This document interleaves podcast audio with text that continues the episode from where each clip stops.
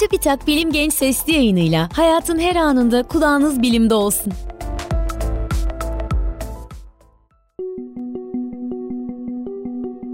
Merhaba, Bilim Genç Sesli yayınına hoş geldiniz. Ben Bahri Karaçay.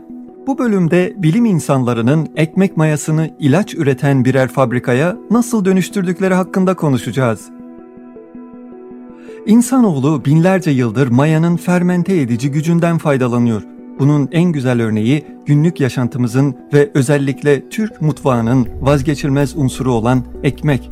Mayanın ekmek üretiminde ilk defa ne zaman ve nasıl kullanıldığı hakkında kesin bir bilgimiz olmamakla birlikte tarihi kayıtlar eski Mısır'da ekmeğin maya ile üretildiğini gösteriyor.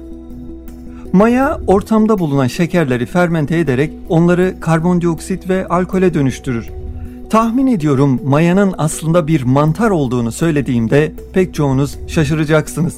Çünkü mantar dendiğinde genellikle çoğumuzun gözünde manavda satılan veya doğada kendiliğinden yetişen şemsiyeyi andıran mantarlar canlanıyor. Halbuki fırıncıların kullandığı ve maya diye adlandırdıkları şey de aslında bir mantar.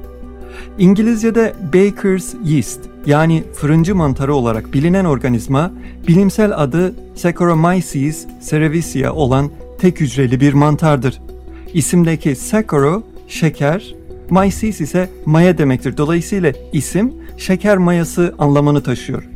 Maya ekmek yapımı sırasında undaki nişasta ve şeker moleküllerini karbondioksit ve alkole dönüştürür. Ekmeğin fırında yüksek sıcaklıklarda pişirilmesi sırasında oluşan karbondioksit ekmeğin içinde kalarak ekmeğe o süngerimsi yumuşak yapıyı kazandırır. Oluşan az miktardaki alkol ise fırının yüksek sıcaklığında buharlaşıp kaybolur.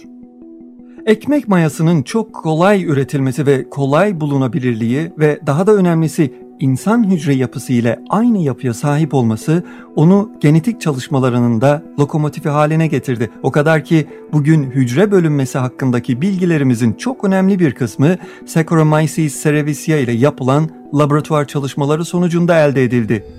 Yaşamın Sırrı DNA kitabımın kanser başlıklı bölümünde detayları ile anlattığım gibi kanser aslında hücre bölünmesinin bozulması sonucu ortaya çıkan bir hastalık.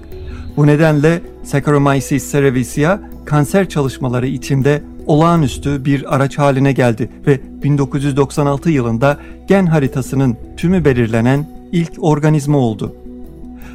Öyle görünüyor ki yakın bir gelecekte mayanın bu özelliklerine bir de ilaç fabrikası olma özelliği eklenecek.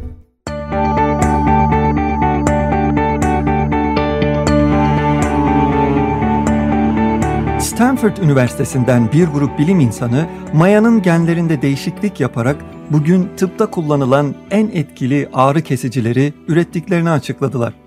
Christina Smolke önderliğinde ve 5 kadın bilim insanından oluşan bu araştırma grubu bunun için aralarında kobay, bakteri ve değişik haşhaş bitkilerinin bulunduğu 5 farklı organizmadan elde ettikleri 23 geni mantarın genetik malzemesine eklediler. Bu genler çalışmaya başladıklarında besi yerindeki şeker moleküllerini ve bazı gıda maddelerini kullanarak opioidler olarak bilinen ilaç ham maddelerinden hidrokodon ve The Bine'ı ürettiler. Opioidler ülkemizin de aralarında bulunduğu sayılı birkaç ülkede yetiştirilen değişik çeşitleri olan haşhaş bitkisinden elde ediliyor. Ancak haşhaş bitkisinden opioidlerin örneğin morfin veya kodeinin elde edilmesi ilaç şirketleri laboratuvarlarında yaklaşık bir yıllık bir çalışmayı gerektiriyor.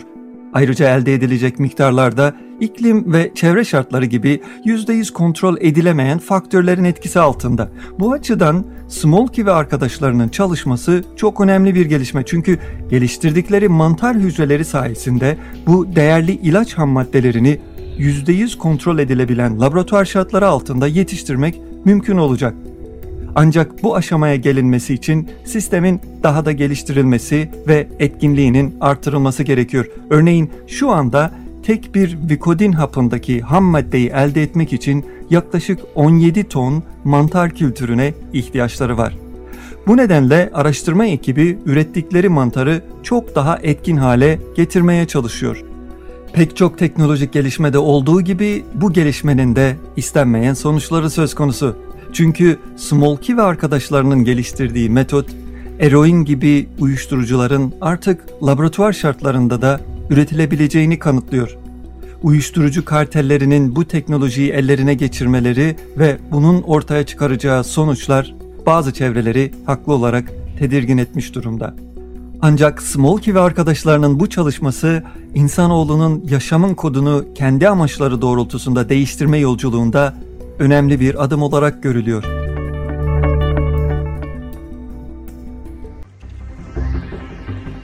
Bilim Genç sesli yayınlarını SoundCloud, Spotify, Google ve Apple Podcast kanallarımızdan takip edebilirsiniz.